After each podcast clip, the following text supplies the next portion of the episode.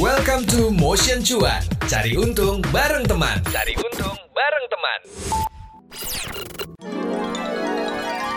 Katanya sih kesempatan nggak datang dua kali. Lewat obrolan singkat ini, kita akan mengingat kembali pengalaman sekali seumur hidup yang unik, susah dilupain, dan mungkin nggak akan datang dua kali. Siapa tahu momen nostalgia ini bisa jadi pelajaran hidup yang reflektif sekaligus bahan hiburan. Di bawah santai aja sambil dengerin Daniel dan Sesa di podcast Momen, Satu Kali.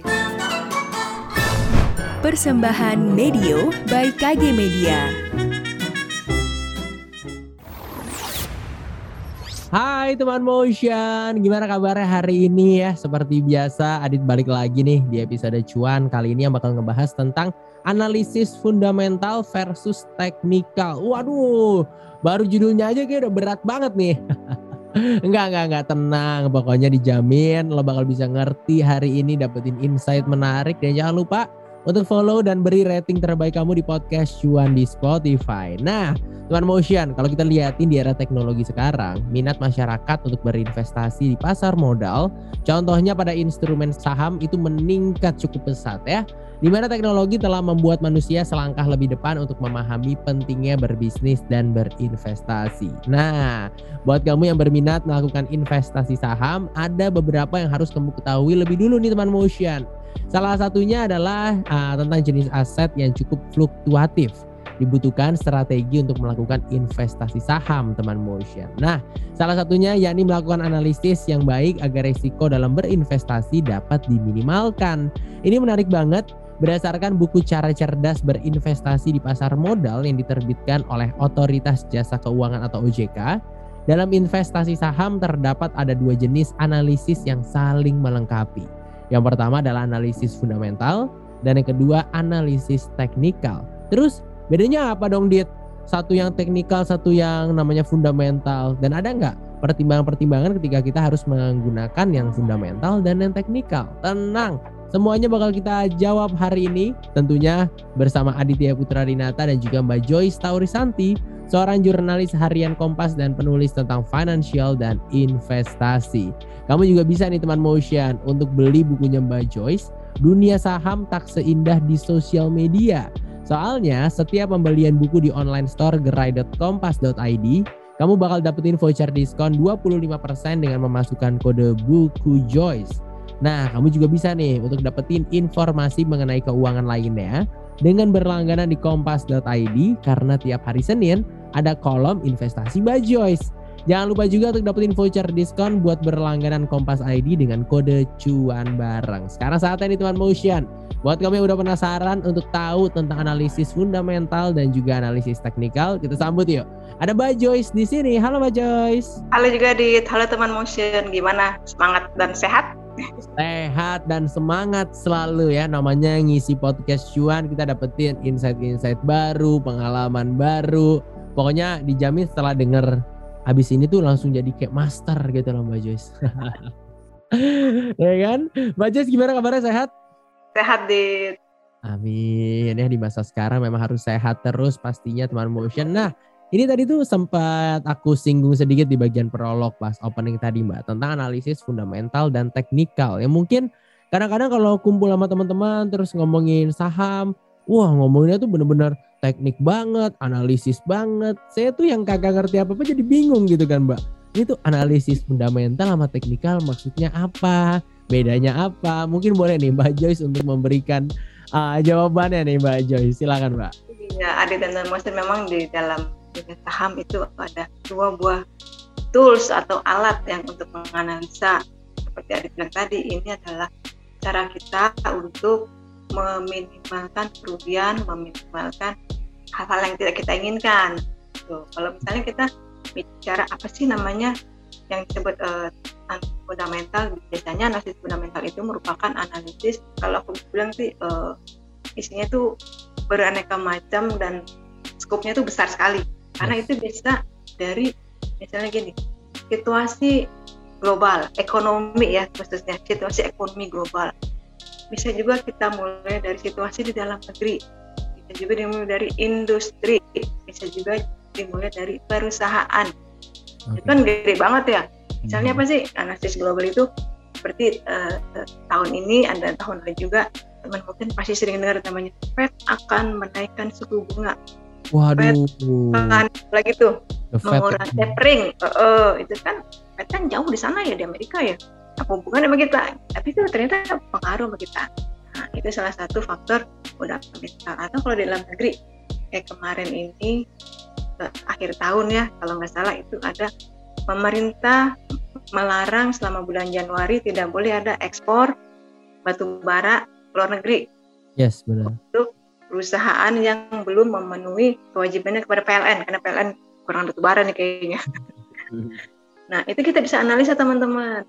Gimana sih dampaknya peraturan ini terhadap kinerja perusahaan? Kalau misalnya perusahaan itu biasa ekspor, lalu tiba-tiba ekspornya ditutup nih, apakah dia akan kekurangan pendapatan? Gitu. Terus sebaliknya, apa yang terjadi jika perusahaan ini ternyata sudah memenuhi kewajiban kepada PLN? Dia bisa ekspor, sementara teman-temannya nggak bisa ekspor kita bisa analisis itu namanya fundamental juga teman-teman. Nah sementara nih itu kan tadi teman-teman bayang itu sesuatu yang gede gitu ya, Yes.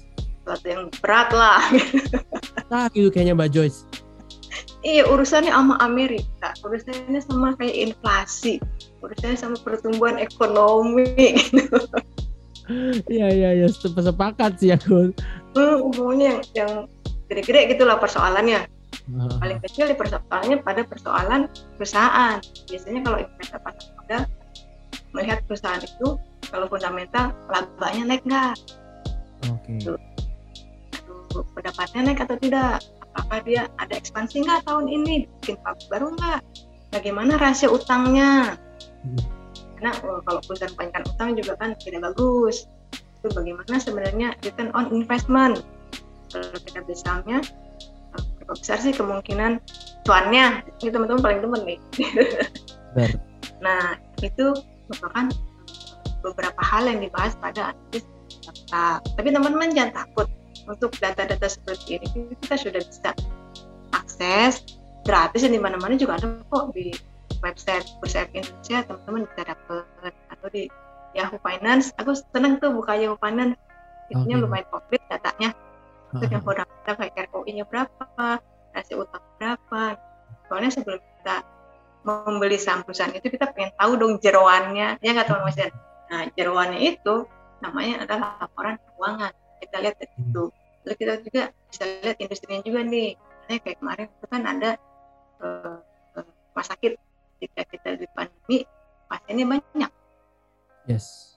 Nah, pasti ada teman-teman yang demen nih sama rumah sakit eh, tahun Mhm. lalu karena dia eh, lumayan moncer ada sama rumah sakit ini karena pendapatannya bertumbuh pesat. Eh, itu merupakan hal-hal yang kita bahas di dalam analisis fundamental. Oke. Yang kedua tadi disinggung soal technical. Ini lebih sangat spesifik. Kalau yang tadi kan kita bisa bicara mulai dari laporan keuangan sebuah perusahaan sampai Fed di Amerika dan jauh di sana. Ya nggak, teman? itu spreadnya kan gede banget ya. nah, sementara kalau analisis teknikal ini, ini khusus hanya untuk kita mengetahui tentang pergerakan harga saham secara historis. Oke. Nah, contoh gimana tuh? Jadi banget kan, udah harga saham historis kita udah tidak mikirin lagi ini untung apa enggak, utangnya banyak apa enggak. Pokoknya harganya sahamnya gimana nih, naik apa turun. Singkatnya sih gitu. Ini kita bisa belajar teknikal ini dari chart charting manusia. Eh, kalau menurut aku sih, kalau teman-teman memiliki daya visual yang tinggi, itu gampang banget belajar chart. Kita lihat chart ini, oh ini, ini saham ini lagi turun nih trennya, oh ini lagi naik ini trennya. Kita cuma lihat chartnya aja. Kalau biasa sih udah udah tahu lah apa yang digambarkan sama chart tersebut. Fungsinya apa sih ini? Eh, teman-teman kenapa kita harus belajar fundamental dan kenapa kita harus belajar technical. Kalau menurut aku kita harus belajar dua-duanya. Karena ketika teman-teman jadi investor itu mostly pakai analisis fundamental. Karena kita kan rencananya jangka panjang ya investasinya nih. Mungkin lebih dari satu tahun mungkin tiga tahun mungkin buat kita beli saham pensiun. Kita mau tahu dong ada nggak barang yang dijual sama perusahaan? Ada nggak labanya perusahaan Nah, sehat nggak perusahaan ini keuangannya? Kita bisa dari fundamental karena teman-teman kalau teman trader yang trading cepat pokoknya satu klien bungkus teman-teman pasti happy belajar di analisis technical gitu. Lihat chartnya nih oh ini nanti dia lagi volumenya lagi naik lagi atau kita kita ngeliat oh dia lagi dead cross gitu kecenderungannya akan turun gitu dit jadi dua ini saling melengkapi dan kita harus belajar dua-duanya karena pernah aku bilang kan seorang investor itu mungkin tidak semuanya dia berinvestasi dan tidak semuanya dia trading ada investasi ada sebagian trading sementara tools ini kita bisa pakai dua-duanya gitu dit Oke, oke, oke. Berarti mungkin bisa aku garis bawahi jika technical lebih ke yang short term, fundamental lebih yang ke long term. Seperti itu ya Mbak Joyce. Betul banget, betul. Kayak investor yang uh, sabar, Warren Buffett itu tahan pegang lama itu, dia pakainya fundamental. Tapi kalau yang trader-trader besar kayak George Soros nih, dia, menurut aku dia pasti dia prefernya pakai yang technical, pasti dia kayak berinvestasi, uh, bertrading dalam waktu yang sangat pendek. Oke, berarti kan ah, tadi sempat disinggung juga tentang laporan keuangan dan lain-lain ya Mbak Joyce. Sebenarnya mungkin nggak sih Mbak, misalnya aku balik gitu nih, aku penasaran aja. Kalau pakai yang jangka pen panjangnya pakai technical, jangka pendeknya pakai yang fundamental gitu memungkinkan nggak sih Mbak? Nggak cocok, dit. Beda ya, emang nggak bisa nggak apple to apple ya.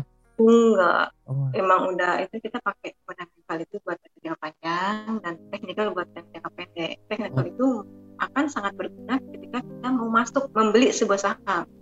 Kita lihat dulu, walaupun fundamental bagus nih, eh ada loh di saham, saham itu saham di bursa ya, Hmm. misalnya bagus, baru merger, jadi dia keuntungannya juga lumayan, tapi harganya nggak naik-naik. Ada tuh, ya kita nggak usah beli dong saat itu karena dia, dia secara momentum sahamnya lagi nggak bagus buat dibeli. oke. Kita lihat dari portofolionya ya dari vertikal. Yes, yes, yes. Wah, ini menarik banget teman mau share ya. Tapi sebenarnya aku penasaran ya tujuannya itu biar apa sih? Apakah biar meminimalisir kita rugi atau memang kayak supaya ada guide-nya juga aja atau gimana Mbak Joyce? Betul itu eh, kita mengapa kita melakukan analisis dan adaptasi supaya kita nggak nggak asal-asalan kalau beli gitu loh Adit. Kan gue bilang tadi walaupun kita kita melihat sebuah perusahaan besar dia masih untung tapi belum tentu sahamnya ketika itu sedang dalam posisi uptrend. Karena kita maunya kan untung dong apalagi kalau buat trader mereka sangat berharap pada kenaikan harga saham di saat yang singkat. Nah, kalau gitu nggak usah beli gitu. Kalau melihat secara teknikalnya sahamnya lagi sideways ya gitu-gitu aja tuh kan nanti kalau kita belajar itu kelihatan lebih oh sahamnya lagi sideways lah kalau udah keluar dari dari range-nya baru ah, aku beli dia sangat membantu sekali kalau kita memaksa beli ketika dia sideways ya udah segitu-gitu aja nggak ke mana-mana harganya Wow, ini menarik banget teman motion. Tapi aku sedikit penasaran deh kalau Mbak Joyce sendiri nih. Mbak Joyce lebih pilih yang technical atau fundamental saat ini Mbak Joyce? Nah, aku pakai dua-duanya dit karena aku kan punya portofolio yang memang buat aku jangka panjang. Oke. Itu aku pakai yang fundamental dan aku juga tapi aku nggak rajin sih punya portofolio yang untuk trading. So aku Hmm. pakainya yang technical gitu. Nah, aku teman-teman kan pusing kali ya ngeliat laporan keuangan buku saya tebel-tebel gitu ya kan Iya, itu banyak ringkasannya kita Oh. Perlu tahu eh, ROI, ROE dan beberapa indikator lain tuh udah banyak deh yang tadi.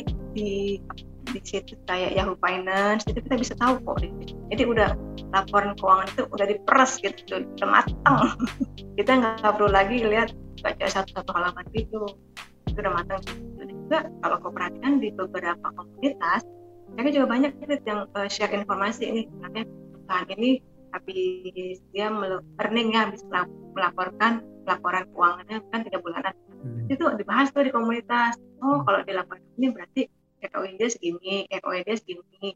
Hmm. uh, DER-nya debt to equity ratio itu segini. Kita nggak perlu nih pusing duluan baca baca apa namanya laporan keuangan yang puluhan halaman itu tulisan kecil lagi angka semua iya makanya aku bingung. Oh ternyata nggak usah dibaca ya. Jadi memang udah ada ringkasannya nih teman motion. Katanya kata mentahnya gitu lah ya. sekarang ini informasi sedemikian banyak ya jadi teman-teman tinggal manfaatin aja di bursa juga ada di website bursa juga ada sekuritas juga suka ada deh terutama kalau habis earning ya habis ada laporan keuangan dan juga sering kali dibahas tuh misalnya sektor-sektor yang lagi hype misalnya saham-saham apa digital. Kan multi bagger banget tuh. Tahun kemarin siapa yang cuan nih? Pasti ada deh di motion Iya, nih iya. Dengan adanya kita mengerti analisis fundamental, teknikal, sebenarnya menjamin gak sih Mbak kalau kita bisa ya ibaratnya ya kalau aku ngomong bisa lebih siap untuk menghadapi cuan dari investasi atau dari trading dengan kita belajar lebih gitu Mbak? Uh, jaminan sih nggak ada, tergantung rajin apa enggak belajarnya. Belajarnya lima menit tapi insta story ya kesannya kayak belajar terus gitu kan. Jadi jangan mencari cuan biar cuan mencari kita ya Mbak Joyce ya. Gitu, caranya gimana? Kita belajar. Gitu. Jangan cuma lima menit belajar beneran. sampai gape, sampai jago. Ilmunya dapat banget tentang analisis ya baik fundamental maupun teknikal. Intinya adalah jangan capek untuk belajar karena ya kita memang harus belajar terus, mengasah kemampuan terus gitu ya teman motion. Salah satunya di podcast cuan kali ini kita belajar banyak barengan sama Mbak Joyce. Mbak Joyce, thank you so much udah mampir, udah ngobrol-ngobrol, udah ngasih insight untuk teman motion ya Mbak ya. Sama-sama Adit, semoga uh, ada yang nyangkut nih. Amin, amin pasti ada Apa yang banget. kita obrolin, ah, apa yang kita obrolin ada yang teman-teman bisa manfaatkan. Amin. Wow, thank you banget Mbak Joyce dan buat teman Motion terima kasih. Jangan lupa untuk follow at Medio by KG Media at Motion 975 FM atau kamu juga bisa kirimin email untuk saran di podcast at kgmedia.id. Jangan lupa untuk terus dengerin podcast cuan di Spotify untuk mendapatkan inspirasi menarik lainnya seputar pengelolaan keuangan, investasi, dan aktivitas finansial lainnya. Aditya Putra Dinata pamit undur diri, Mbak Joyce juga pamit. Terima kasih teman Motion. See you on the next episode. Bye-bye. Bye. Itu dia Motion Cuan. Cari untung bareng teman di minggu ini. Tungguin obrolan-obrolan seru lain di Motion Cuan. Cari untung bareng teman. Sampai ketemu di episode minggu depan.